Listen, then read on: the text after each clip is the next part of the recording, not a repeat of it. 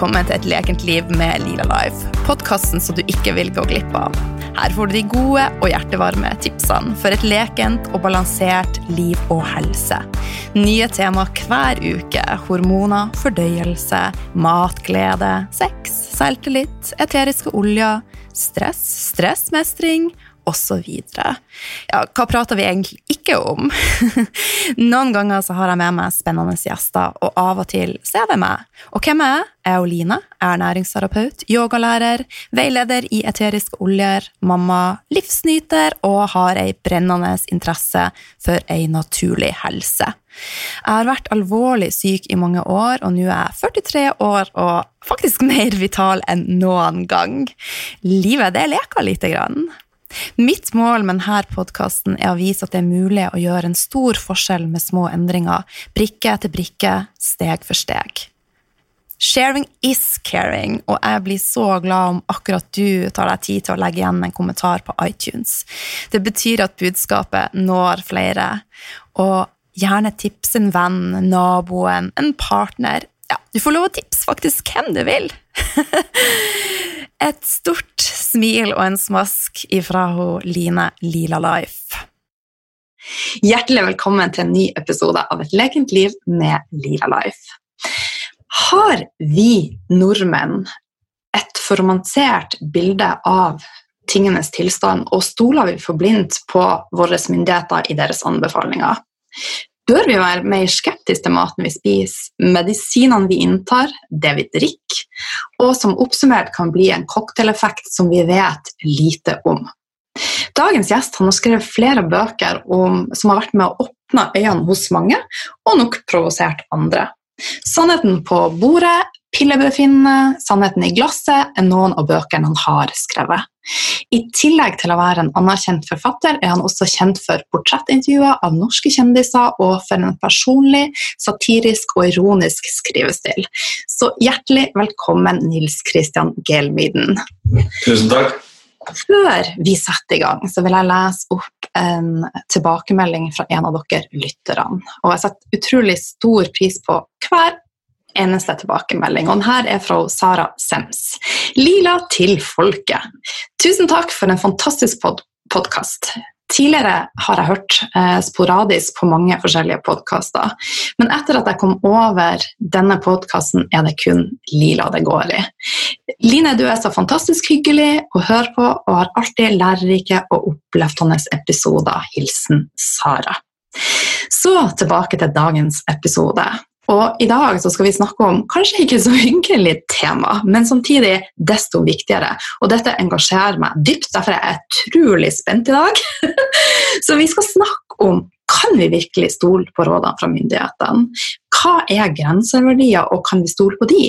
Cocktaileffekten av giftstoffer. Økologisk jordbruk kontra konvensjonelt. Hvordan kan vi ta gode valg for helsa, men også miljøet? Medisinbruk i dagens samfunn.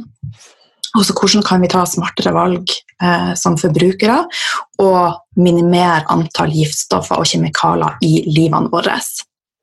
Så hjertelig velkommen, Nils, igjen. Igjen. igjen. Takk, takk, takk. Jeg har litt sånn krøll på tunga. Jeg tror jeg er litt sånn starstruck. Nei, det kan det ikke være. Jeg føler meg ikke akkurat som en stjerne. Jeg syns du er ei lita stjerne. Eller stor stjerne. jeg sitter jo helt alene her hjemme på Tjøme. Jeg sitter jo stort sett bare på toppen av to soppåsekker og skriver. Jeg er ikke noen stjerne. Men du er i hvert fall en veldig inspirerende mann, så det er en ære å ha deg med. Så hyggelig ja. Du, aller først, hvordan starta du dagen din i dag? Jeg gikk, du, Her var det meldt regnvær ute, her ute i havet, havet på Tjøme, så jeg tenkte at jeg skulle rekke å gå en tur uh, Grimstadrunden, som vi kaller den. Så jeg gikk en times tur, og så satte jeg meg ned for å skrive. Det er jo lurt å bevege seg. Og så fikk du en melding fra meg, vi hadde avtalt å møtes til et visst klokkeslett, og så fikk du en melding fra meg en time for tida. Her satt jeg klar som en hund. Ja, jo, men jeg, mitt liv er jo sånn, jeg er jo ikke ansatt noe sted, så jeg har jo veldig herredømme over min egen tid. Ja, Så der var jeg jo heldig, da. Ja. Men du, mm. eh, du har jo skrevet flere bøker om, eh, om det med mat og hva er en sånn typisk frokost for deg, da? Uh, Finn du kan spise? Ja, jeg gjør det absolutt. Jeg er, jeg er, glad i mat og spiser masse forskjellig mat jeg, eh, til frokost. Jeg blitt veldig glad i valnøtter. Uh, I den ene boken, den kokeboken som jeg skrev sammen med René Sografos, så har jeg skrevet veldig mye om råvarene. Det er skrevet 250 000 bokstaver om råvarene i de rettene han har laget. Ikke jeg, heldigvis. Og jeg vil si at det påvirker folk til særlig valnøtter. Så valnøtter og appelsiner og epler er alltid det jeg spiser først. Og så tar jeg gjerne et par stykker brød, um, rett og slett, fra det økologiske havbakeriet her på Hvasser. Okay. Uh, og da med, med sild eller med tzatziki, noe jeg har laget selv kanskje, iblant ost. Um, i dag begynte jeg faktisk med to stekte egg på fire stykker brød etter valnøtter og appelsin. Ja, det hørtes veldig spennende ut. Enkelt. Nei, jeg, vet, ikke hvor spennende det er. Egentlig skulle jeg ønske at det var enda mer Jeg kjenner jo folk som er virkelig glad i mat og tenker på mat hele dagen. og sånn. Det misunner jeg litt. Jeg har aldri vært så glad i mat som noen jeg vet om. Men, men jeg er en sånn person, og det kan være litt slitsomt, det også. Ja. Så det er nok eh, Vi kunne ha funnet en sånn Men du, eh, vi har lyst til å bli bedre kjent med deg. Kan ikke du fortelle ja. oss? Oi, nå faller hele øregreia ut. Det var det jeg tenkte. At Jeg har sånne øreplugger. Nå kanskje du må klippe dem. Skal vi se. Jeg får holde på den ene. Har jeg for store ører, eller er det for små? Jeg får holde på den ene, iallfall. Men du, ja, fortell oss litt om din bakgrunn. Ja, Som bakgrunn er jeg utdannet eh, i statsvitenskap hovedfag, og så har jeg støttefag i mm, psykologi og historie. Jeg hadde en plan om å bli diplomat eller ambassadør i Paris for å imponere min mor. Det ble ikke, ikke noe av, men jeg begynte å skrive allerede i 1985. Og har egentlig vært frilanser eh, hele livet siden. Jeg har drømt om å leve av bøker. Det klarte jeg først eh, egentlig å gjøre fra 2013, da den første boken du nevnte, utkom, den som heter 'Sannheten på bordet', som egentlig er min første og eneste bestselger, som vel er blitt trykket i 30 000 eksemplarer. Men jeg har iallfall klart, eh, så vidt det er egentlig, å leve av bøker i, siden ja, i syv år. Det har vært drømmen min, og det hadde ikke gått hvis ikke det var en del foredrag og skrivekurs og annet. Det er vanskelig å få til et lite land å leve av bøker. Ja, det kan jeg tenke meg til, så du er en ja. tøffing som tør å satse på det. Så ja. men det er iallfall bakgrunnen min. Jeg har eh, det meste av livet mm, brukt til å skrive om mennesker. altså Portrettintervjuer og biografier. Det er blitt fire biografier. Mm. Og på en måte føler jeg at jeg gjør det samme som jeg alltid har gjort. Jeg føler at jeg portretterer maten og det vi drikker og, og pillene som om det skulle vært et portrettintervju med Marit Bøgen eller Sylvi Listhaug. Altså jeg, jeg, jeg, gjør det samme, det er de samme spørsmålene jeg stiller meg. Hvis jeg skal intervjue Sylvi Listhaug, så er det to ting som jeg spør meg om. Det er uh, hvordan blir man sånn, og, og hva vil det si å være sånn? Mm. Det er egentlig de samme spørsmålene jeg har reist med piller og, og med sædkvalitet i den siste. Eh, Så hvordan blir man sånn, og Ja, og hva vil det si å være sånn? Hmm, spennende. Men du, eh, du har jo ikke alltid vært opptatt av eh, mat på samme måte som, som du blir på et visst måte. Nei, absolutt ikke. Jeg, jeg har jo som mannfolk flest gitt blaffen i hva jeg spiser, eller putter inn min største legemsåpning nesten hele livet. Eh, virkelig. Jeg har tenkt at alt som selges og, og spises i Norge, er trygt og gjennomkontrollert. Og, og, jeg har liksom stoppet på Ikea på vei hjem etter et intervju og tatt tre sånne femkronerspølser. Altså, jeg har vært helt dust og spist pølser fra automat i, i fylla og sånt noe. Så jeg, jeg har jo lurt på hvorfor min kone, vi har vært gift eh, i 32 år nå til våren, jeg har lurt på hvorfor hun er så frisk og jeg er så syk. Jeg tenkte at det har med genene å gjøre, men hun har alltid vært mer opptatt av mat enn jeg har vært. Det er jo gjerne kvinner. Det ser jeg nå foredrag, det er jo hovedsakelig kvinner som kommer. Så kvinner er mer opptatt av det, og eh, så ville det seg slik at jeg ble nyresyk. Jeg sier ikke at det skyldes sprøytemidler eller, eller, noe av det jeg har drukket eller spist, det kan være arvelig, jeg vet ikke, men iallfall ble jeg det. og så fikk jeg faktisk en nyre av min kone ved transplantasjon eh, i april 2009. Og eh, det var en slags vekker for meg. Det gjorde, jeg måtte på en måte bli alvorlig syk for å bli nysgjerrig på drivstoffet. Mange blir jo ikke nysgjerrig da heller, men jeg, det måtte til for at jeg skulle bli nysgjerrig. Mm. Så jeg tenkte på mange måter at jeg skulle vise litt større interesse for den typen drivstoff min kone har. Jeg har som nordmenn flest tenkt på økologisk mat som litt jålete, litt Holmenkollaktig. Eh, og så tenkte jeg at jeg skulle sette meg inn i det, og det er jo noe av det jeg har gjort i den sammenhengen på bordet. Og ikke minst er det kanskje en bok om organisert dyremishandling um, når det gjelder laks og, og kyllinger og griser. Mm. Men det er jo synd at, for dette er jo en realitet, at de fleste må på en eller annen måte oppleve krise i livet før de skal være motivert til å gjøre en endring. Ja, men det gjelder jo faktisk Når nå treffer eh, Nordstrand og Gryhammer og alle og Zakariassen alle disse, er på sånne konferanser og treffer disse, disse kvinnene. Og de har jo alle sammen en personlig erfaring. Gjerne et barn som er blitt sykt og har blitt bra av å endre drivstoff. De har jo, det er jo personlig erfaring med nesten alle, så vidt jeg forstår. Mm. Det skal vel til. Det er vel øh, Jeg, jeg ble jo ikke nysgjerrig mm, på politikken og andre ting på Tjøme før jeg flyttet dit. Man må på en måte bo der, man må være der for å være interessert. Sånn tror jeg det er dessverre med livet vårt. Mm. Jeg ble ikke interessert i drivstoff hvis de blir syke heller. Jeg ble heldigvis det, da. Mm. Og det er jo veldig bra at du og de andre du nevner, Gry Hammer, Berit Nordstøn, at vi har sånne ildsjeler som, som, deler, for dette er veldig, veldig viktig informasjon. Så med det så hopper jeg rett i det, i vepsebolet. Ja. Ja. Nils, kan vi stole på myndighetenes anbefalinger når det gjelder kosthold og hva vi bør drikke og medisinbruk? Hva er ditt syn på det? Altså, jeg skulle jo veldig gjerne ønske at jeg kunne si et klart ja til det. Jeg skulle ønske at det var sånn. Jeg har jo på en måte, Det er å foretrekke å stole på myndighetene, det å ikke stole på Mattilsynet eller Legemiddelverket, det er jo nesten like ubehagelig som ikke å stole på politiet eller å lure på om politiet står på forbryternes side. Det er såpass ubehagelig at det kanskje nesten er bedre å dø et par år for tiden og helst stole på myndighetene. Det, er, det, har vært veldig ubehagelig for meg med å skrive disse bøkene. er akkurat det, fordi Jeg har alltid vært en, en tillitsfull person. Jeg er sånn som sender liksom 1800 kroner til en fremmed person på Finn som aldri sender kamera jeg har kjøpt. Jeg, jeg har alltid vært sånn, en godtroende person. Og jeg syns det er fælt å ikke være det, men på matområdet og på legemiddelområdet er det dessverre sånn at vi må passe på oss selv, fordi myndighetene eh, betjener mektige næringsinteresser eh, mer enn de betjener avmektige forbrukere. Og det samme må man i stor grad kunne si om eh, mediene. Mm. Dessverre. Men det har vært, og det er forståelig. på en måte, Det er jo ikke du og jeg som banker på døren hos Mattilsynet. Det er det jo industrien og det er hovedsakelig industrien vi har kontakt med, og som leverer premissene. Så hvis du og jeg jobbet i Mattilsynet, så ville vi kanskje blitt sånn, vi også. Mm. Jeg tenker at det, det, er noe som skjer. Sånn er det vel med Legemiddelverket òg. Det er ikke pillebrukere som banker dem, det er pilleprodusenter som banker dem. Mm. Men øh, altså vi har konkludert med at vi nødvendigvis ikke kan stole 100% på de rådene vi får. Vi må være litt nysgjerrig, vi må være kritisk, vi må sette krav. Eh, men vi nordmenn vi har jo et veldig sånn romantisert bilde av hvordan ting er i Norge. Vannet her er renest, og vi har ja. Krystallklart vann, og fisken han er ja.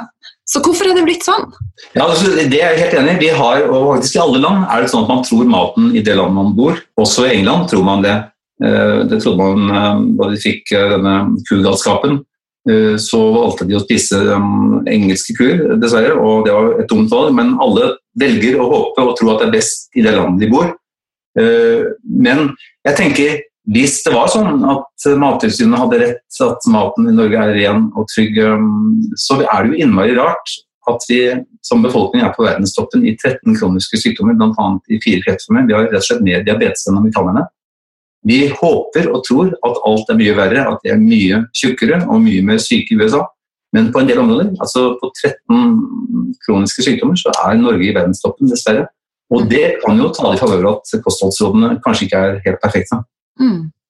Og da er det jo ganske ironisk at det er så mye fokus på at vi er friskere enn noen gang, og at helsa vår er eh, bedre enn noen gang. For at sannheten er vel ikke helt den? Nei, altså eh, På 1950-tallet var Norge, nordmenn var det lengstlevende folkeslag i verden. Og nå har vi sunket til en del 14. eller 15. plass. Det går fort feil vei. Mange sier jo når jeg holder foredrag at vi lever jo lenger enn noen gang. Og det ser det jo ut som på statistikken, men da er det viktig å huske på at den statistikken er basert på de menneskene som allerede er døde, og de ble fortsatt faktisk født før eller under annen verdenskrig. Mm. Så det er altså ingen som vet hvor lenge du og jeg kommer til å leve, og slett ikke hvor lenge barna våre kommer til å leve. Barn i Norge er sykere enn de noensinne har vært. Eh, vi er syke for 330 milliarder kroner i året. Og det er mulig eh, at Jamie Oliver, eh, den verdensberømte kokken, har rett i at 60 eh, av alle sykdommer og dødsfall i vår del av verden skyldes maten vi spiser. Det er jo i så fall noe som er undertematisert. Det er jo ergerlig at man ikke gjør noe mer med det. Man kunne jo um, altså halvert, eller mer enn halvert, utgiftene til sykehus og helsevesen. Og ikke minst forlenget livene til mange mennesker. Så jeg syns det har vært innmari spennende å begrave meg ned i og studere eh, ja, grundig gjennom syv år. Mm. Gjennom disse bøkene særlig, Den første har jo gjort en forskjell for mange mennesker. Og egentlig pilleboken òg, som er den mest kritikerroste av her. Ja. Altså, personlig så syns jeg også at dette er, det er veldig trist og veldig urovekkende. Så de siste tallene jeg hørte fra USA nå, var at det årlig dør 11 millioner mennesker i USA eh, på bakgrunn av at de spiser ultraprosessert mat. Og for første gang så går eh, antall altså leveår ned. Det, var, det har snudd, det har snudd, det snudde i 2016, snudde levealderen i USA. Det har nok i stor grad også med opi, opioidepidemien å gjøre. det at folk viser på vanvittig mye opioider. Mm. Men eh, det er også et uttrykk for mange kroniske sykdommer og eh, denne diabeteseksplosjonen og eh, overvekteksplosjonen. Mm. Eh, Jeg fant ut da jeg skrev Spermageddon noe interessant som forskning.no. Ingrid Spilde, en veldig jeg skrev i 2016 at kaloriinntaket blant nordmenn har gått ned sammenhengende hvert eneste år siden 1980. Og da er det innmari rart at eh, 70 av den norske befolkningen er overvektige. Eh, Det er gåtefullt, for vi tenker at det er bare snakk om at vi spiser for mye og beveger oss for lite, men det kan jo tyde på at det er noe i maten som påvirker energiomsetningen og, og tarmen, at det er andre ting enn matmengden og mosjonen som medvirker til den veldige overvektutviklingen. Mm. Men eh, hva tenker du er den største utfordringa med dagens matproduksjon? Jeg tror eh, det er flere. Jeg tror Et problem er jo at vi både på matområdet og drikkeområdet og ikke minst på legemiddelområdet så lar vi på en måte bukken passe havresekken. Vi, vi lar industrien initiere og gjennomføre og finansiere forskningen. Mm, Vi vet alle sammen, mm, enten vi er for eller mot økologisk mat, så er vi enige om, alle som bor her i landet, om at det var dumt å stole på tobakksindustriens forskning så lenge som vi faktisk gjorde. Det er alle enige om. Og likevel velger vi å gjøre det samme med legemiddelindustriens forskning og sprøytemiddelindustriens forskning. Og Grunnen til det er jo ikke bare at vi er godtroende og har, tror at vi har kontroll på det, hvilket vi ikke har, det er utførlig påvist, men vi, det blir sånn fordi myndigheter i alle kommuner og i alle land og i alle stater har mye mer lyst til å bruke penger på kulturhus og veier og sykehus enn, og å skifte ut vannrør enn å bruke det på legemiddelforskning og på sprøytemiddelforskning. Så det er derfor det skjer, fordi det er kjedelig for myndigheter å bruke penger på den typen forskning. Men vi lar altså produsentene bekoste forskningen, og det er et av de store grunnproblemene. Et annet problem er avstanden som har oppstått mellom de som lager maten og de som spiser maten. Eh, De, I gamle dager, altså for 100 eller 150 år siden, så var jo det ofte naboer. Man gikk til bonden og kjøpte mat av den som hadde laget maten. Nå er det veldig få land og samfunn som har den typen nærhet. Eh, Vi bodde faktisk tre måneder i Italia, i Toskana, da barna våre var små. Vi har en sønn og en datter som er født i 1990 og 1992, og vi bodde der i tre måneder. Og der kom en bonde med vogn hver torsdag og solgte råvarer til eh, forbrukerne. Da har du den absolutte nærheten. Så Hvis han hadde dårlig, hvis det ble dårlig av den maten du kjøpte forrige torsdag, så får ikke han solgt noe neste torsdag. Eh, Du trenger ikke et mattilsyn med 1300 ansatte innenfor den rammen. Og det at man rundt Middelhavet faktisk har mye av den typen gammeldags nærhet, kan jo være noe av grunnen til at eh, de har så mye mindre kroniske sykdommer. der. Transport er jo, avstand er jo også et problem. Med at mange mineraler, og særlig vitaminer, eh, er flyktige og forsvinner og avtar underveis. Så når eh, norske kyllinger og norsk oppdrettslaks og, og norske svin hovedsakelig mm, får um, spise soya fra Brasils tidligere regnskog, så er det ganske mye av næringen rett og slett som forsvinner under den mm, månedlange transporten til Fredrikstad, hvor alle soyabøndene kommer. Mm. 32 000 tonn hver tredje uke. Som eh, man er blitt helt avhengig av. Og det skjer jo ikke fordi det er bra for um, laksen eller for kyllingen å spise det, det skjer jo fordi det er de billigste proteinene og, du kan skaffe i hele verden. Og da glemmer man også, Det er det du sa innledningsvis med at vi har ren mat her. Det er sant, vi sprøyter mindre her enn man gjør i Sør-Amerika. Vi, vi, vi har ikke så mye å sprøyte mot pga. klimaet. Det er ikke slett så mye sopp og skadedyr. Eh, Men vi glemmer jo at 96 av all frukt eh, og alle bær som konsumeres i Norge, dyrkes i andre land hvor det spøtes mye mer. Mm. Og nesten alt fôret til um, husdyrene og burfisken jo da, får jo mat fra, fra Sør-Amerika, um, og særlig soya. Som, hvor det brukes 30 ganger mer sprøytemidler enn det gjøres i Norge. Og hvor det brukes midler som har med all mulig grunn har vært forbudt i vår del av verden helt siden forrige årtusen. Mm. Oh, det er skremmende. Men eh, en annen realitet er jo at eh, vi nordmenn vi bruker mindre penger på mat enn vi noen gang har gjort, for vi er så fokusert på at det skal være billig. Eh, vi er i toppen, verdenstoppen på å bruke penger på oppussing, men mat, der skal vi ha det billigst mulig. Må vi snu tankesettet litt her for å kunne klare å, å faktisk snu andre større ting også? Det er iallfall rart, fordi eh, vi som bor her i landet, vi vet jo at det er veldig forskjell på f.eks. For fottøy eller biler og transportmidler. Altså at eh, kvalitet koster, det vet vi når det gjelder valg av biler. Du får en bedre bil og du får mer solide sko hvis du betaler litt mer. Sånn er det med klær og med briller og med alt annet de bruker. Vi vet at den sammenheng mellom priskvalitet. På alle andre områder så tror vi at maten, vårt eget drivstoff, er det eneste unntaket. Det er innmari rart at, at noen har fått oss til å tro det. Mm, det er på en måte også, det er intervjuet eh, han som heter Jon Fredrik Engdahl, som opprettet Kolonihagen og egentlig Maemo, den restauranten som lenge var alene med å ha tre stjerner i Norge, Michelin-guiden. Han sa at det er også veldig rart å tenke på hvordan folk åpner skryter til hverandre, nordmenn. Hvis de har vært i Svinesund og kjøpt uh, torturert kylling til 39 kroner kiloen, så skryter de hemningsløst når de kommer hjem med det. Men det er, ingen, det er absolutt ingen av de samme menneskene som ville pekt på solbrillene sine og sagt se på de brillene her, 17 kroner og 60 øre. Ja, men det er veldig rart at vi, at vi, at vi, at tror unntaket er vårt eget drivstoff. Det er det altså ikke. Eh, det er selvfølgelig like nær, og kanskje enda mer sammenheng mellom og eh, ja, hvis vi er syke, da hvis vi, hvis, La oss si at, maten, at Jamie Oliver har rett, at maten vi spiser er årsak til 60 av sykdommene. Mm. Og kanskje også helseutgiftene. Da var, den, var ikke den kyllingen så billig som vi trodde i Svinesund, hvis vi faktisk betaler over 180 milliarder eh, i sykdommer for den. Mm. Over skatteseddelen. Så det handler jo om å se det store bildet. Men jeg tror veldig mange klarer å sette opp en sånn barriere og, og tenke at det vi spiste, påvirker oss ikke i det hele tatt. Det er ganske uforståelig for meg. Ja. Eh, Så det er, også en, det er en slags symbiose av at um, mediene og myndighetene på en måte spiller på et slags lag. Det er jo, hvis man gir forbrukere ny informasjon, som man faktisk gjorde med palmeolje Nordmenn fikk ny, mm, nye opplysninger om palmeolje og endret eh, Man fikk ut palmeoljen av nesten alle produkter, til og med Kvikk Lunsjen. I alt var den borte på tre år. Så at nordmenn klarer å forandre um, atferd på kort tid, det har vi bevist i mange sammenhenger, bl.a. med palmeolje.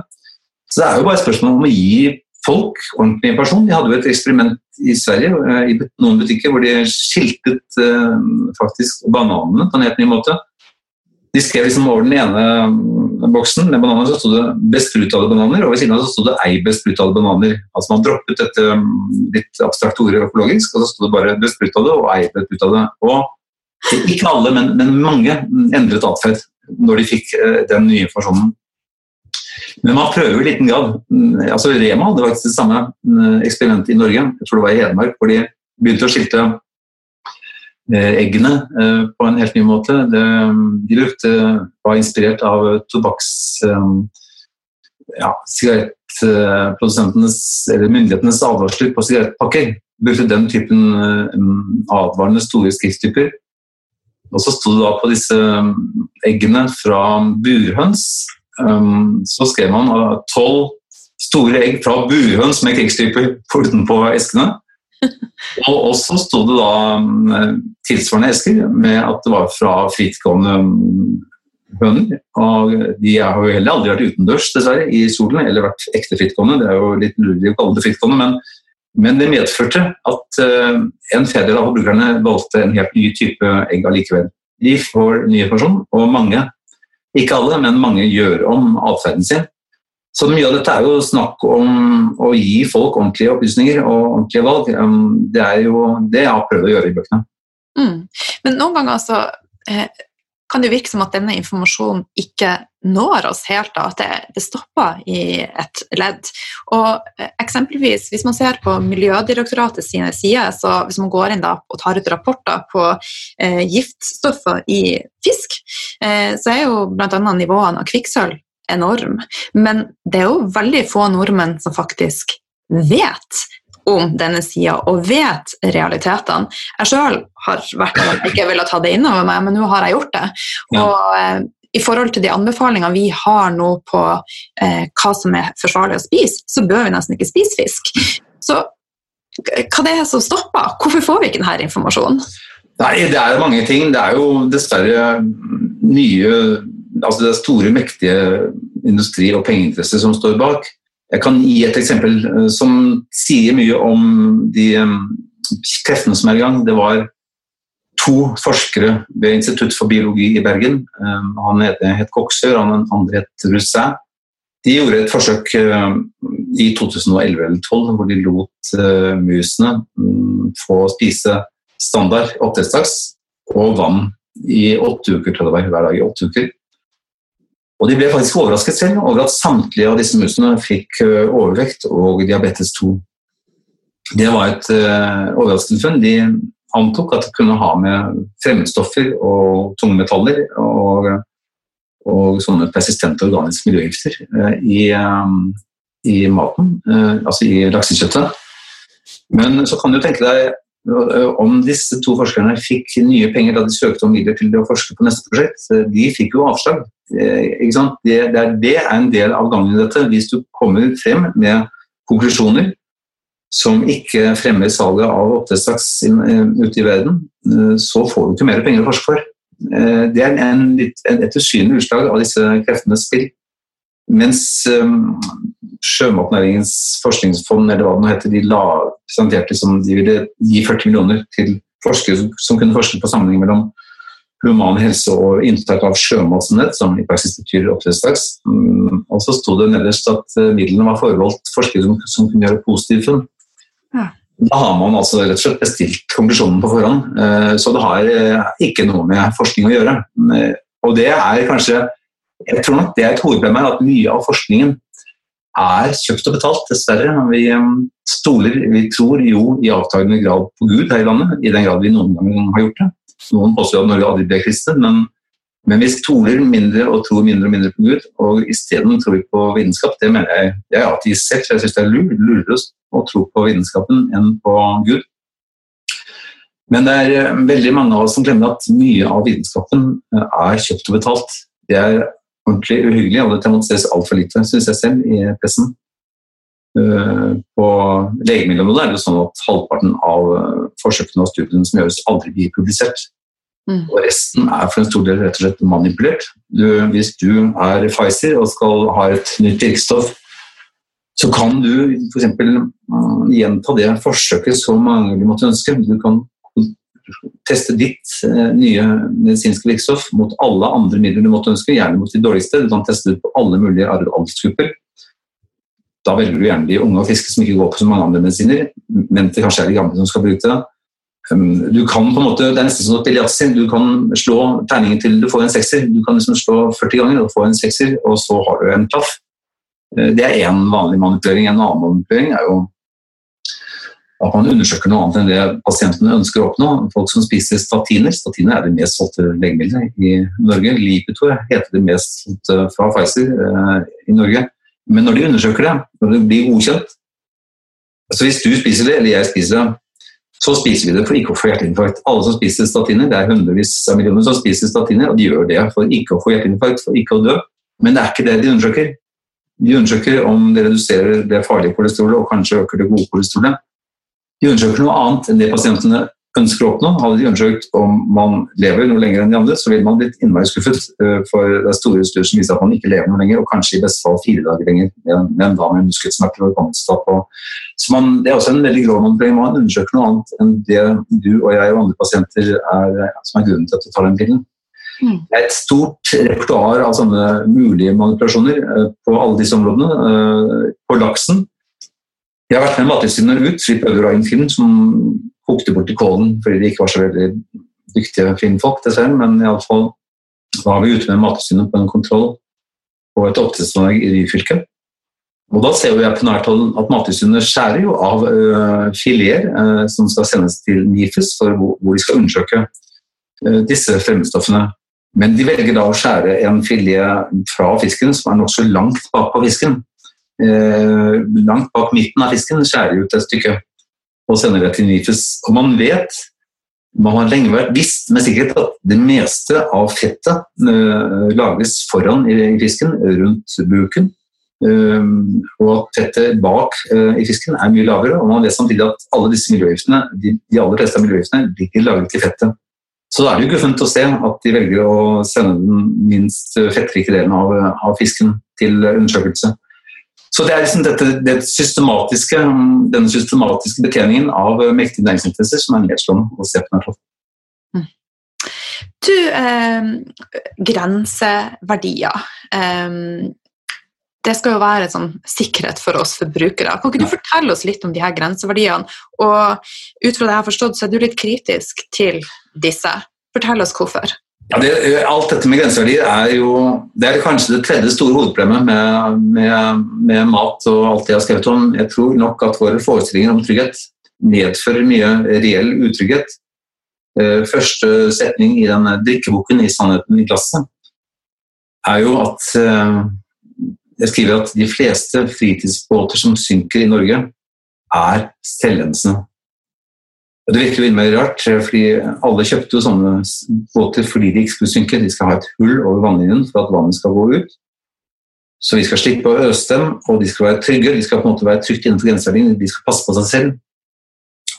Men det er også derfor de synker. Eh, fordi det er noe som kommer og tetter utløpet. Det er kluter eller løv eller is eller et eller annet som, som sperrer. Kanskje til og med løskaret. Iallfall er det noe som sperrer utløpet, og derfor synker de mer enn de andre. Fordi de sitter hjemme og tenker at båten er trygg og ikke passe på den. Og, og jeg åpner den drikkeboken med det eksempelet som ikke jeg har funnet på, men som If skadeforsikring har fastslått. fordi vi er på mange måter mer å ligne, sammenligne selv med sånne selvlensende måter. Vi må i større grad passe på oss selv enn vi måtte før. Eh, og På matområdet og på drikkeområdet heter jo tryggheten der har den et eget navn, og der heter den grenseverdien. Det er det Mattilsynet alltid sier nesten når de intervjues, er at det er trygt innenfor grenseverdien. Og det liker folk å høre, for da er det bare å spise videre. Men de nevner aldri at disse grenseverdiene forandrer seg ganske mye. De, justeres oppover, nesten aldri nedover.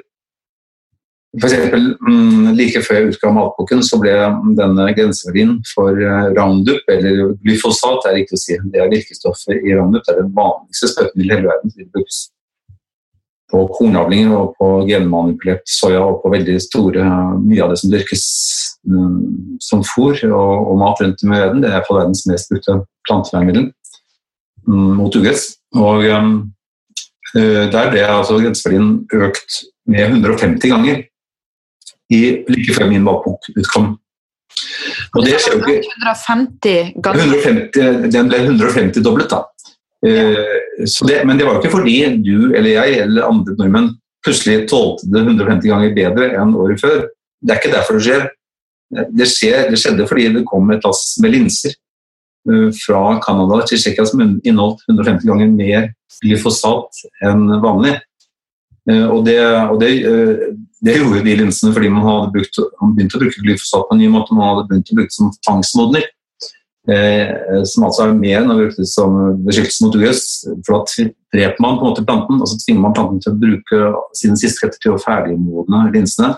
Slik at alt kan høstes samtidig, som er mye mer rasjonelt og mindre tidkrevende enn å høste litt og litt. Så det er blitt vanlig av den grunn, men derfor blir det litt mer glyfosat. Og da løste man det ved å 150-doble grenseverdien. I Norge var man moderate, så man bare 100-doblet. Men dette er liksom gangen inn. Det, det, dobles og økes. Det vet ikke folk om. Eh, men det er en av innvendingene mot eh, fenomenet grenseverdier. En annen innvending er som du sa helt i åpningen her, at man tester jo ut alle disse giftstoffene bare én og én. Det, det, er det man gjør i laboratorier, eh, som sprøyteprodusentene gjennomfører. Og, og, man tester nesten aldri ut effekten av flere samtidig. Men når du spiser en, en drue en konvensjonell drue, som gjerne inneholder rester av ti ulike sprøytemidler, så er det jo ingen som har undersøkt den effekten. Den er det simpelthen ingen som har forsket på. Um, og uh, rekorden tror jeg er faktisk en stammisfylleri som inneholdt var det 67 forskjellige sprøytemidler. Det, er, det er ikke sånn i midlene. Opptrer ikke enkeltvis i kroppene våre eller i grønnsaksdisken eller i fruktdisken. Og det er det nesten umulig å forske på. For du vet, eh, Magnus Carlsen han har jo dette brettet han spiller på. Og bare det lille brettet hans inneholder jo millioner av kombinasjoner, visstnok. Som de tenker på i time etter time. Men dette, dette som heter sprøytemidler, og for så vidt legemidler, eh, det er altså veldig mye større brett enn Magnus Carlsen driver med. Det er brett som inneholder milliarder av kombinasjoner, så det er nesten umulig å forske på. Men det var én studie som jeg syntes var interessant, og som til og med jeg som statsviter klarte å forstå. og det, Den handlet om to sprøytemidler som brukes i 20% av dansk hveteproduksjon. Det ene var et soppmiddel, og det andre var et ugressmiddel. Og så fant vi ut at når man undersøkte på gnagere, som man gjerne gjør, stakkars de var gjennomgå råtne av musene, man fant iallfall ut at eh, de var mm, seks ganger mer giftige når de opptrådte sammen, enn når de var uh, alene, disse to sprøytegiftstoffene. Og Man fant til og med ut forklaringen, og den forklaringen var at soppmiddelet bryter ned leverens evne til å håndtere nedbrytningen av andre giftstoffer. Det er jo det er en kombinasjonseffekt eller cocktaileffekt. Og det er noe soppmidler eh, gjør. Dessverre, de reduserer leverens evne til å håndtere alle de andre giftstoffene som leveren skal kunne håndtere. Det er jo derfor alkoholikere får leverproblemer, for de skal håndtere så mye um, giftstoffer og så mye alkohol. Uh, så det er leverens jobb å håndtere giftstoffer. Og hvis den evnen reduseres, så er leveren ille ute, og du får mer giftstoff i deg. Så, og det er spesielt interessant. I, synes jeg, I drikkeboken skrev jeg mye om det. fordi Eh, er det ett middel man særlig bruker på dyr. Det er altså ingen frukt det dyrkes mer av i verden. Det er en sånn gåte du kan ta på påsketur og spørre hvilken frukt dyrkes det mest av i verden. For det er ingen som tenker på druer som frukt. De fleste sier da epler, appelsiner eller bananer, men i særklasse mer enn halvparten av alt frukt som dyrkes i verden, er selvfølgelig druer pga. vinen. Og det er også dessverre den mm, frukten som sprøytes aller mest, fordi den er så innmari sårbar mot sopp. Uh, så selv om uh, F.eks. druer bare utgjør 3 av eh, jordbruksarealet i Frankrike, så brukes, bruker vindyrkerne, druedyrkerne, altså tre fjerdedeler av alle sprøytemidler i eh, Frankrike. Så nesten alt man finner i konvensjonell vin, er, er straff straffstoffmidler. Som har altså dette felles at de reduserer leverens evne til å Det er et godt argument for å velge økologisk og det går jo dessuten fortere å handle på polet. Det er jo færre å velge dem. Jeg, jeg, har aldri, jeg har aldri ikke kjøpt noen konvensjonelle vin sånn etter at jeg skrev den drikkeboken. Så det er kun økologisk det går i? Ja, jeg, eller biodynamisk, men uh, jeg opplever også selv at jeg får vesentlig mindre vondt i hodet. Jeg mulig at mindre òg. Tenk, tenk, generelt. Vin, eh, mat, mest mulig økologisk. Og da tenker jeg at eh, her er det også veldig mye eh, uenigheter. For at det er liksom Skal vi velge økologisk jordbruk kontra konvensjonelt? Uh, og mange uh, fremstiller økologisk drift som rett og slett egoistisk. Eh, med å skulle produsere alt økologisk, så vil vi ikke kunne brødfø hele verden. Og her kommer det stadig ny informasjon. Jeg hørte senest nå for noen dager siden en podkast fra USA der de faktisk har vridd det 100% om til at det må være økologisk skal vi kunne klare å brødfø hele verden. Hva er dine tanker her, Nils? Det er jo, som du sier, man er veldig uenig. Jeg har jo intervjuet eh, han som i alle fall var Norges fremste motstander av økologi, og som har gjort et sentralt poeng i, i Sannheten på bordet. Han heter Grønlund, og da han var eh, liten gutt, jeg tror det var i Nordreisa, så doblet jo faren um, avlingen på gården ved å bruke kunstgjødsel og sprøytemidler. Det ville gjort inntrykk på meg og på deg også hvis vi var barn på den gården. Men det er feil av Grønlund å tro at man kan gjøre det samme hvert år. Man kan doble i begynnelsen, det, kan, det kunne man gjøre. Men etter hvert, så når man da dreper disse sprøytemidlene dreper jo ikke bare um, skadegjørere i, i kornet og i frukten, de dreper også mikroorganismene i bakken som skal tilgjengeliggjøre næringsmidler. Eh, det er også sånn at jorden hardpakkes, eh, livet og det styrker erosjonen. Så mergevinsten er avtagende både ved bruk av kunstgjødsel og ved bruk eh, av sprøytemidler du kan doble til å begynne med, så går det stadig ned. Jeg, etter et foredrag jeg holdt det var et sånn seniorakademi på Hellerud, så kom det bort en mann til meg som hadde jobbet for um, Hydro, eller det som heter Yara, altså kunstgjødselprodusenten. Han sa at uh, det var veldig gjenkjennelig, det altså, fordi han hadde merket da han jobbet her, at markedene ble mett. Det, de økte i Danmark og i andre land, og så flatet ut. Fordi man kan ikke hente så mye Det er nesten sånn som med doping. Du kan vinne en del løp, og så kan du ikke vinne mer, eller kanskje ikke delta mer i det tatt. Nå er forskjellen visstnok nede i så lite som 6 forskjellen mellom økologisk og konvensjonell drift. Og når den er nede i 6% så er det viktig å tenke på at mm, konvensjonelle frukt og grønnsaker inneholder faktisk 15 mer vann. Og det vannet er det jo dyrt å kjøpe i, i, butikken og ikke hente i springen. Altså det, forskjellen er borte allerede med vanninnholdet. Så det er, eh, som du sier, man, det er delte meninger, men både FN og Verdensbanken, støttet av 400 forskere, har iallfall sagt at hvis man skal gjøre så håper å livnære 10-12 milliarder mennesker i 2050, så er økologisk småskalalandbruk den eneste veien å gå. Fordi um, konvensjonell drift har så mange varige følger for jordens bæreevne og um, muligheten til å dyrke videre. Mm. Siste tallene jeg så var at vi, altså vi bruker eh, mer penger på sprøytemidler enn noen gang, faktisk 17 ganger mer. Og, og så avlingstapet er akkurat det samme.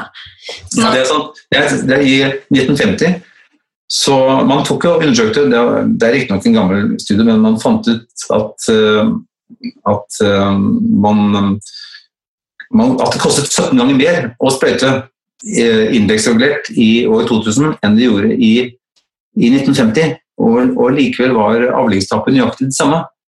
Mm. Og det er veldig løfterikt hvis man tror på økologisk drift, fordi det kan tenkes at det begynner å bli ulønnsomt. Man må jo det er jo faktisk sånn at Hvis vi snakker om glyfosat, altså, eller Randux som det heter på Maxbo, det virker jo bare en stund, fordi kveken, som man hovedsakelig er det ugresset man sprøyter mot, Kveken er jo også et levende vesen. Den venner seg til randupen etter hvert. Den, det er nesten som, nesten som, med antibiotika og resistens. altså Kveken knekker på en måte koden.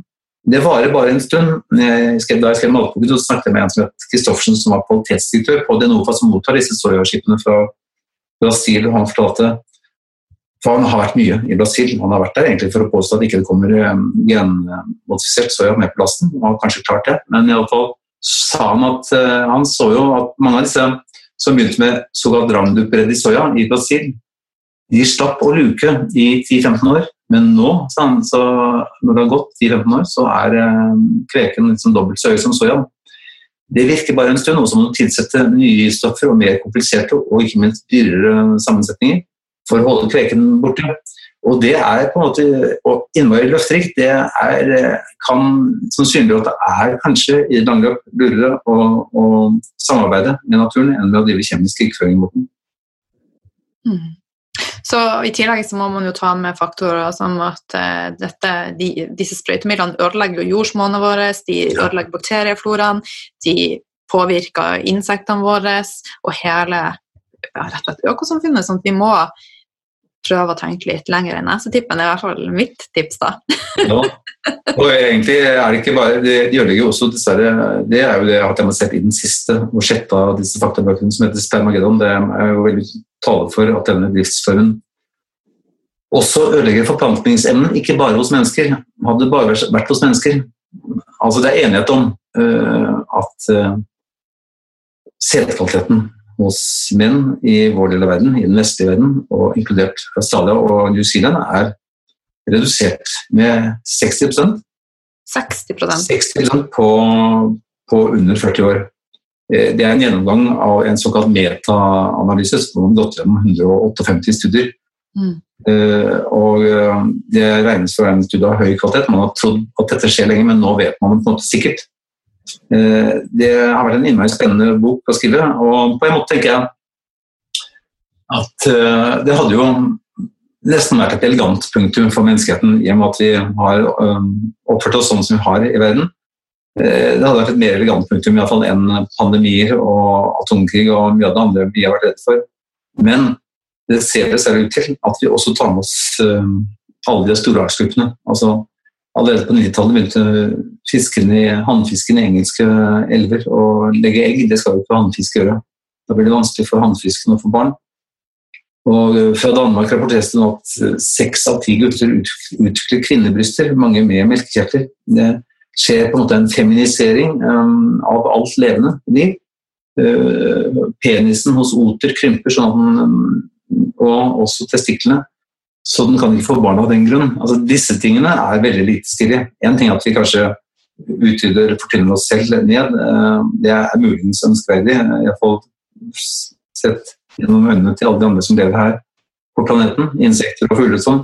Men, eh, men, det er veldig lite stilig at, at det kanskje er derfor det ikke er torsk utenfor kysten her på Tjøme. og, og sånt, at det er at fiskene og amfibiene og insektene ikke lenger får til å lage barn. Mm. Eh, det har vært innmari, innmari, spennende. Det er bare en bok som har trukket sammen alle de andre faktabøkene. Jeg har vært innom tematikken i alle de andre.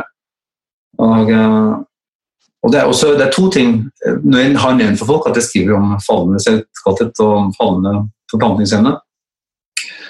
Så sier nesten alle Iallfall folk på min alder, jeg fyller jo 60 i senere i år, de sier jo så flott at det blir færre av oss, og det er jo altfor mange. og De tenker kanskje at det blir lettere å parkere bilen, eller jeg vet ikke, de syns det er for mange. og det er det kanskje, eller vi er iallfall redde for det hele livet, at det blir for mange. Så jeg skjønner den reaksjonen, og da sier jo det. Da har du kanskje ikke fått med deg at vi dessverre også tar med oss alle de andre medskapningene her på jorden, ser det ut som. Mm. Første rekke er alle vannlevende organismer rammet, men det ser ut som veldig mange pattedyr og insekter og fugler også er rammet. Og så har de heller ikke fått med seg at sæden avspeiler den øvrige helsen. Så hvis øh, du hadde vært mann og hatt dårlig sæd, eller få sædceller under 20 millioner per milliliter, det er småtallsceller her, så ville, du, så ville det dessverre mm, hatt innebåret at du hadde fått eh, sannsynligvis et kortere liv med flere sykdommer og misdannelser og helseplager enn en folk med normal sædkvalitet. Det vet heller ikke folk om. Og så tenker jeg at mange hører dette, og så kan de tenke at dette angår ikke meg. Men det er en realitet, for at eh, tre, tre, eller fire år tilbake så gjorde Forbrukerrådet en test der de tok blodprøver av tre tilfeldige eh, kvinner, eller det var flere kvinner da, men eh, det var tre sine prøveresultater som da vei vist frem til i media. Og de fant over 100 forskjellige kjemikalier i, eh, i blodbanen. Og stoffer som er kreftfremkallende og også skade, skadelige for arvestoff og forplantingsevne, som du har prata om her. Og det som er en realitet, eh, er, er jo at vi vet jo ingenting om denne cocktaileffekten, hvordan det påvirker oss. Du sier at det påvirker forplantingsevnen, men det påvirker jo oss som helhet. Ja, og det er jo en samme, det her er det jo masse som virker inn. Det er jo heldigvis en stor del av boken. En viktig del av boken handler om hva man faktisk kan gjøre. Det er en del uh, som viser at virker. Det virker selvfølgelig å bevege seg og ha fysisk aktivitet, kanskje unntatt langvarig sykling. Fordi settcellen oppover sa at det var sykkelsett her, og varme virker veldig og sånn men, men eh, som, noe av det som virker aller best, er jo faktisk uh, Det var en, en studie fra Harvard University i 2015 som viste at eh, menn mm, som spiser økologisk mat i bare noen uker, kan eh, doble antallet sædceller. Det er eh, ingen andre grep. Det er gjort masse tester, det er utrolig mange studier på mobiltelefoner og på trådløse nettverk. Det ikke helt ikke bra, særlig ikke på svømmeferdigheten. Det er masse som er undersøkt av når det gjelder fett, og når det gjelder melk og når det gjelder kjøtt. Altså masse undersøkelser, men ingenting har gitt et så stort utslag som å spise økologisk. Og Det skyldes nok ikke bare sprøytemidler og kjemikalier, som du sier. Det skyldes nok at svært mange studier har vist at um, sånn um, økologisk mat inneholder mye mer um, rett og slett vitaminer, ikke minst C-vitamin og D-vitamin. Man vet helt sikkert at, det er viktig for sædproduksjonen. Og den inneholder mye mer av de vesentlige mineralene, og ikke minst mye mindre av de skadelige tungmetallene, sånn som kadmium, Kadmium i konvensjonell mat kommer faktisk ikke fra sprøytemidler, det kommer fra, det fra kunstgjødsel. Det var jeg ikke klar over da jeg skrev matposer, det er jeg blitt klar over etter hvert. Men eh, det inneholder altså Økologisk inneholder mye mer av det som holder oss fiske og skjeden og mye mindre av det som staver helsen vår og skader sæden vår. Så det hører jo sammen. Det var iallfall et veldig stort utslag. Mm. Så du anbefaler alle å velge økologisk? Ja, men jeg har kanskje i boken, kanskje i matboken, hvis jeg skrev den igjen, så ville det nok vektlagt uh, Jeg ville hatt med sprøytemidler, men, men jeg ville kanskje tematisert um, kunst, farene forbundet med kunstgjødsel og uh, næringstap og tiltakende vanninnhold. Jeg ville kanskje nyansert den mer med, med skyggesidene. Jeg har også vektlagt jeg har det med, men jeg ville kanskje vektlagt de store forskjellene på vitaminer og mineraler og antioksidanter i enda større grad enn jeg gjorde. Mm. Det handler om mer, det er ikke bare sprøytemidler og kjemikalier. Det er også et veldig spennende ting er dette med muggsoppgifter. Det er det enighet om at økologisk dyrket korn og kornvarer inneholder svært mye mindre muggsoppgifter enn konvensjonelle kornsorter. Det det virker rart, siden de er spillet med så det er en komplisert forklaring som vi ikke, ikke skal ta i, men det er enighet om det, at det er mye mindre muggsoppgifter i økologiske kornarter og økologiske kornprodukter. Og det er helt åpenbart en av de virkelig store mulige truslene mot sædkvalitet. Eh, et spennende eksempel i så måte er jo at um, mennesker som bor i den midtre delen, den tropiske delen av Afrika, har ualminnelig lav selvkvalitet og har hatt det lenge. Og der bruker de ikke så innmari mye eh, medisiner og legemidler og mobiltelefoner og, og, så mye av det andre som er eh, blant de mulige, eller badstue og sånt som er blant de mulige truslene. Det de derimot tar innmari mye av der, er faktisk fuktighet. Og fuktighet danner grunnlaget for um, de soppene de, av fusariumslekten som lager disse muggsoppgiftene.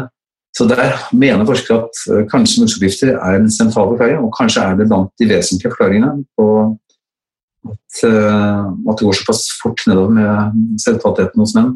De undersøkte jo blodet til 250 nordmenn nylig, og det var bare tre av dem som, uh, og urinen, og bare tre av dem hadde ikke muggsoppgifter. Mm. Tre av 250, det er jo ganske stort utslag. Ja. Det har vært veldig spennende bok, da, siden man vet hva som skjer, men ikke hvorfor. Så det har vært ordentlig sånn gåtefullt, sånn Agatha Christie-følelse for meg å, å, skrive om det. fordi ikke sant, Det, har jo, det begynte etter annen så det har jo pågått lenge.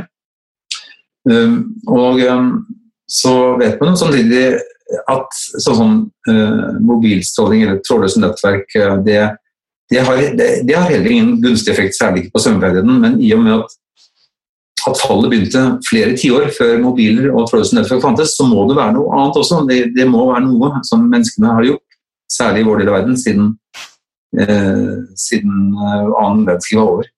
Mm. Så vært, uh, aluminium er et perfekt sammenfall. Det har økt nesten like mye som CD-en har avtatt. Hva du sa nå det siste var? Aluminium. Aluminium, ja. Aluminium er en sånn skikkelig dark horse som veldig få har sett, men som uh, er blant de høyst mistenkte å forbruket og, og ja, bruken og eksponeringen for aluminium. Hvis du tar og drysser aluminium på plantene dine, så reduserer du planteveksten med, med 30 Det er et svært giftig eh, metall, det er, er de enighet om, men, men folk ser ikke ut til å være klar over det så er det det at det er veldig lurt å bruke, for det blir mindre transport og mindre fossilt brensel. Flasker, glass er, tung, er, er tyngre, ikke sant? så man går over til bokser av den grunn, men, men, folk får ikke vite om skyggesidene ved aluminium. Så det er jo flere faktorer som er, ja. er her påvirker. Og, men det vi som forbruker, hva kan vi gjøre i vårt hverdagsliv for å minimere inntaket av giftstoffer og få, eh, som igjen kan påvirke helsa vår og miljøet i positiv Jeg har gjort det veldig enkle grep. grep faktisk. Jeg har gjort noen få enkle grep. Jeg har ikke spist kjøtt av, i noen form siden 2012, tenker jeg. Det var datteren her i huset som sluttet først, selvfølgelig. Og så var det sønnen, og så var det kona. Jeg var sistemann. Der også. Jeg er jo tregeste mann i Nato, egentlig. Jeg har treget for det. Må skrive bøker om det for å forstå hva det handler om. Men det har jeg iallfall ikke spist um, på åtte og et halvt år, og det går bedre enn det gjorde før. Jeg er jo på, fordi jeg er transplantert, så er jeg på veldig grundige blodmålinger hver tredje måned. Og iblant spør legen uh, kan jeg få spørre deg hva du spiser. Og det kan han jo gjøre siden jeg har skrevet sammen og sånn. Men, men uh, det, det, er det ene grepet. Det andre grepet at uh, jeg er nokså konsekvent. Der det går an, så spiser jeg uspøttet økologisk mat. Så det er, Og spiser jeg bare villfisk. Ikke kjøtt, men iblant villfisk. Det er, det er de grepene jeg har gjort. Hmm. Men i forhold til kjøtt, eh, så tenker jeg at det er kjempeviktig at vi velger, på, velger kvalitetskjøtt hvis vi først skal spise kjøtt. For meg så vil jeg ikke å, kutte kjøtt, for jeg vil heller å tenke på inntaket av fisk. Eh, men velg gressfôra og velg sånn, eh, kjøtt som vi vet dyr som har hatt det bra. Det tenker jeg er viktig. En annen ting som jeg eh, har hørt nå at det å faktisk ha et jordbruk og ha dyr som beiter sånn, er så viktig for klimaet vårt. Og det er faktisk misforstått at eh, vi må kutte ned. Den misforståtte landbruket, rett og slett. Ja, Iallfall er det uenighet på det feltet. Jeg gjorde nå dette grepet. Du kan si, Vi har jo bare en nyre hver, min kone og jeg. Eh, jeg kan på en måte, det er jo hennes nyre jeg har. Jeg kan synge den av Gatio Maskin med stor troverdighet, eh, større enn Sinatra, egentlig. Jeg, eh, og, og, dette med kjøtt og nyrer er, kjøtt er en belastning for nyrer. Altså, man måler nyrefunksjonen på noe som heter kreatinin, som er et muskelavfallsstoff. Så hvis du spiser muskler, andres muskler, så er det mer for nyrene å rense opp.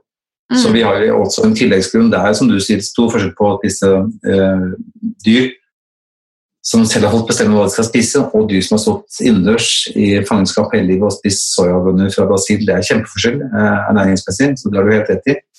Men jeg har da valgt å kutte helt ut. Det er jo også en mulighet. Vi kan klare oss fint uten eh, kjøtt, og vi går faktisk ganske bra uten fisk òg. Mm. Det er jo faktisk bare planter. Egentlig er det bare planter som lager mat. Det måtte jeg bli eh, over 50 for å forstå. Det er jo bare planter som lager mat. Det er, det er ikke Omega-3 oppstår ikke inni makrell eller i laks. Den oppstår, det er planter i havet som lager omega-3. Det er på en måte bare planter som lager mat. Og, og rovdyrene spiser jo mm, vegetardyr. ikke sant? De spiser jo rådyr og elg. og Det er på en måte bare planter som lager mat. Det skjønte ikke jeg før jeg ble ganske stor. Det var ingen som sa det på skolen. Mm. Men i 2020 så er vi jo privilegert, for vi kan faktisk ja. velge. Og vi har alle råvarene tilgjengelig. Vi har økologisk, vi kan være vegetarianer, vi kan være veganer. Vi kan velge. Og Derfor er det så viktig at vi får ut denne informasjonen her, sånn at eh, forbrukerne kan bli mer bevisst eh, og eh, ta smartere valg for å få ned eh, bruken av giftstoffer og inntaket av det. Ja, ja. Mm.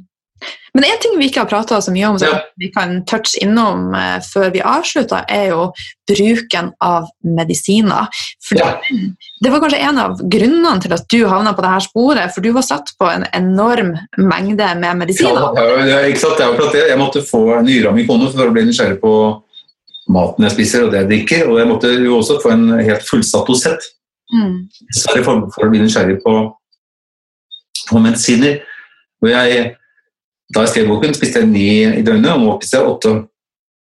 Eh, du... åtte, åtte, piller i døgnet. For jeg har sagt at hvis ikke jeg tar de pillene, så um, egentlig er kroppen Frp, kan du si. Det vil verke ut alt som er fremmed. Og så må jeg liksom spise disse pillene for å gjøre kroppen mindre Frp mindre fremmedfiendtlig, for å akseptere den fremmede nyren fra min kone. Det er opplegget. Mm. Så jeg spiser, de fleste av pillene er immunsuppressive um, midler som gjør at ikke transplantatet blir avstøtt. Det er greia. Det er, en, det er veldig mye bedre enn å leve på dialyse. Jeg er takknemlig for at de pillene finnes, og jeg tror at vi trenger eh, dem. Kanskje ikke akkurat i den konsentrasjonen som industrien har bestemt. Men det er, er det jeg åpner med å skrive det i boken. Jeg er avhengig av piller selv, som mange er. Det finnes altså viktige piller. Det finnes sannsynligvis også viktige vaksiner. Poliovaksinen regnes for å være blant de tre viktigste medisinske oppdagelsene i forrige århundre. Det finnes mange viktige legemidler, heldigvis, og mange viktige vaksiner. Boken min handler om at stadig flere friske mennesker spiser eh, og anbefales av legen å spise legemidler som de sannsynligvis eh, har flere ulemper enn fordeler av. Mm. Det er alvorlig. Det er, er så alvorlig at EU-kommisjonen i 2008 mm, sa, fastslo, anslo i hvert fall at 197 000 mm, europeere dør hvert år som følge av legemiddelbruk. Eh, og det anslaget er også gjort. I um, Danmark har de fastslått at legemidler er blitt den tredje vanligste dødsårsaken etter kreft og hjerte-karsykdommer.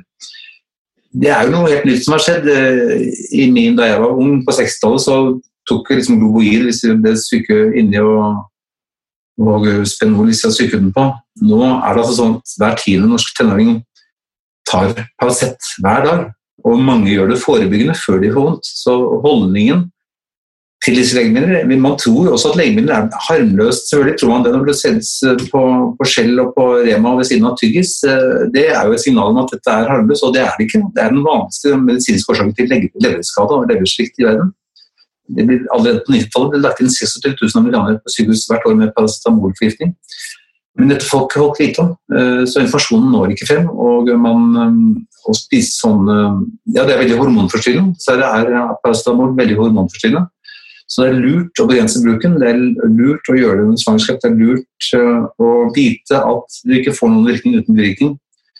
Og, og sovemidler, sovepiller som over 300 000 nordmenn bruker hver dag, de virker bare i to uker. Det man, de virker bare i to uker, og så blir du avhengig, så, så går hjernen kanskje stykker. Du, du får komme til start.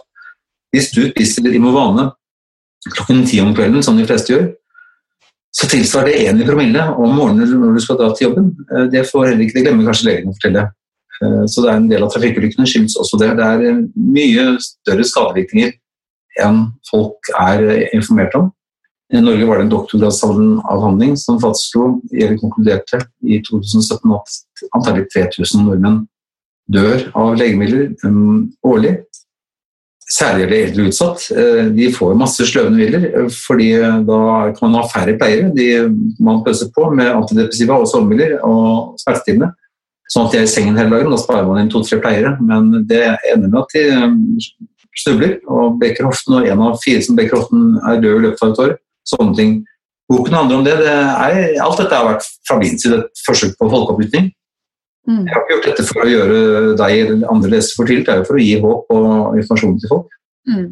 Og det er jo litt viktig å si til deg som hører på, verken jeg eller Nils prøver å være kjip her. Vi prøver rett og slett bare å spre informasjon, eh, og dette er veldig viktig informasjon. Eh, og eh, legg merke til tallene som Nils nevnte i forhold til 197 000 dødsfall innenfor EU pga eh, feil eh, bruk av legemidler og kanskje overføring. Faktisk også halvparten bruker det akkurat sånn som legen sa. Ja, ok. Og det er jo også ekstra, eh, ekstra krevende. Så hva kan vi gjøre for å få ned dette? Ja, det er jo, du kan si Akkurat det med pillene er jo også vår eh, skyld. som eh, Vi har når vi kommer til legen, mange av oss nordmenn har en forventning om å få en pille. Vi vil vi vil heller spise en pille og sitte i sofaen og spise potetgull som før. Vi vil liksom fortsette de dårlige livene og det dårlige kostholdet og spise en, en statiner eller andre piller og blodtrykksreduserende. Det er vår skyld òg, for vi, vi, forventer en quick, quick fix. Mm. Så det er veldig delt ansvar. Det er jo selvfølgelig legemiddelindustrien som lager mange dårlige. De lager heldigvis gode midler òg, men de lager mange dårlige. Og så er det selvfølgelig legenes skyld som skriver det ut. fordi Industrien sier ja, vi lager det, men det er ikke vi som skriver det ut. Så det har jo industrien rett til. Det er legene som skriver det ut. Og legene skylder jo litt på myndighetene òg. De sier at ja, ja, vi skriver det ut, men det er jo ikke vi som godkjenner det. Så det er et delt ansvar mellom, mellom pasienter, leger, industri og myndigheter. Eh, men det går i hvert fall fort feil vei. Nå står 70% av norske folk på én eller flere reseptbelagte midler. Mm. Og det, noen trenger det, men de fleste ville nok dessverre hatt det bedre uten. Mye taler for det. Mm.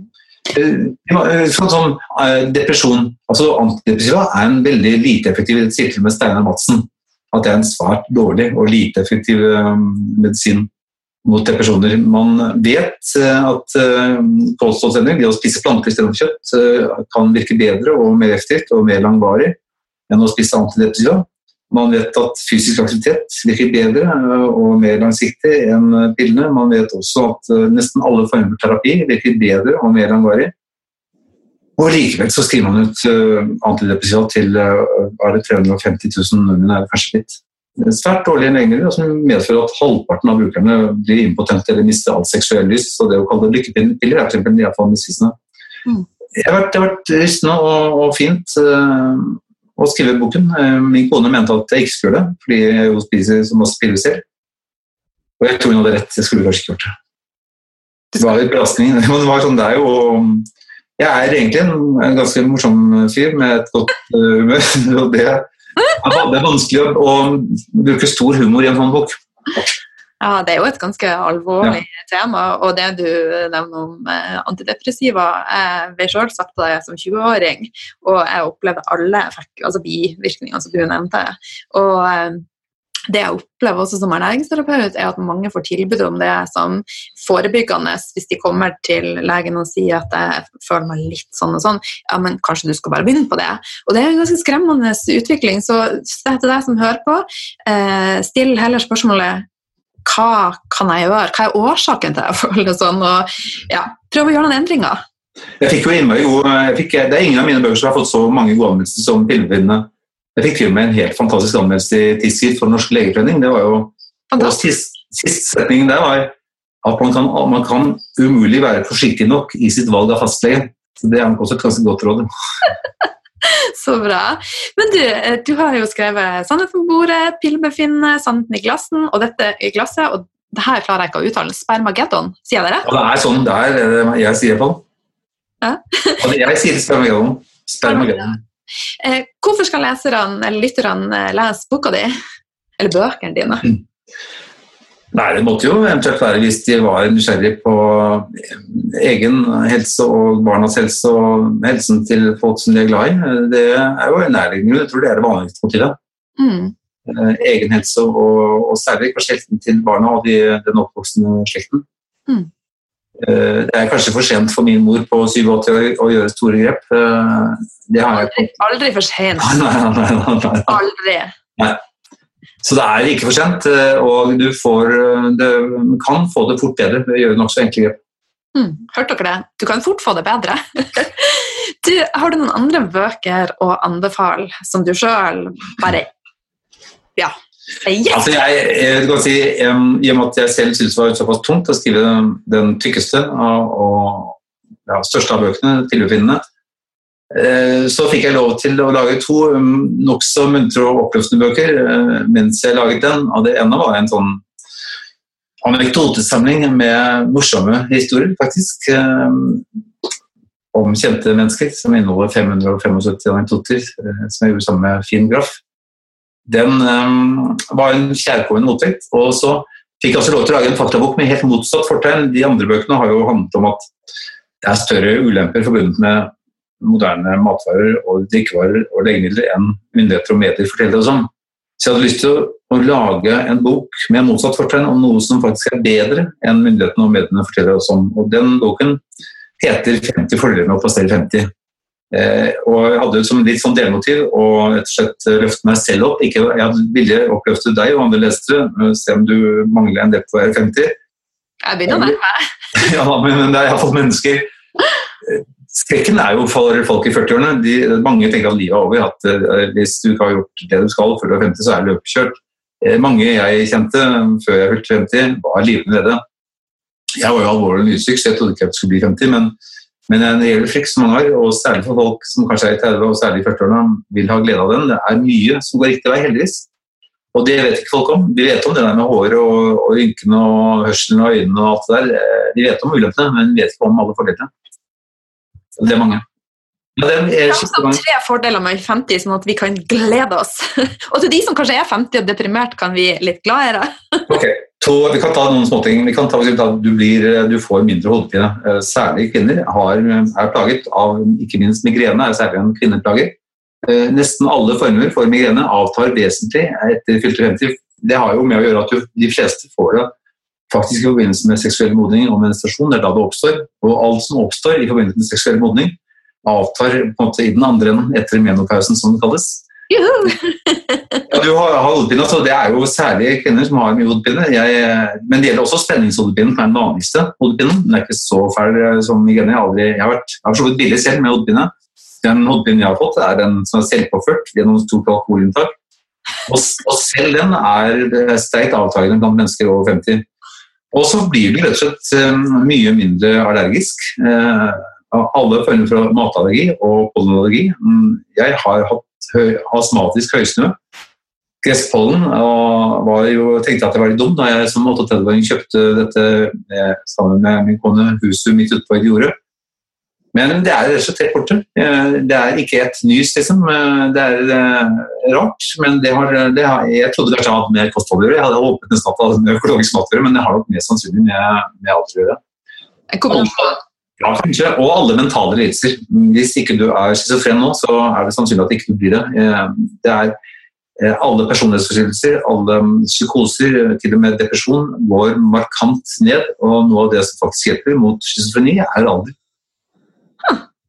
Takk for det. Ja, det har fått tre fordeler. Og så blir du selvfølgelig også mer empatisk, du blir eh, mer eh, tilgivende. Du, du får det lettere til en mennesker, du blir lettere til å flinkere til å omgås folk. Det var en som sa til meg, det står på innsideflappen eh, på boken, så stod det opp denne personen var, følte da, før han fylte 50 og skulle inn i et rom, så var han mest nysgjerrig på om de som var i rommet ville like ham.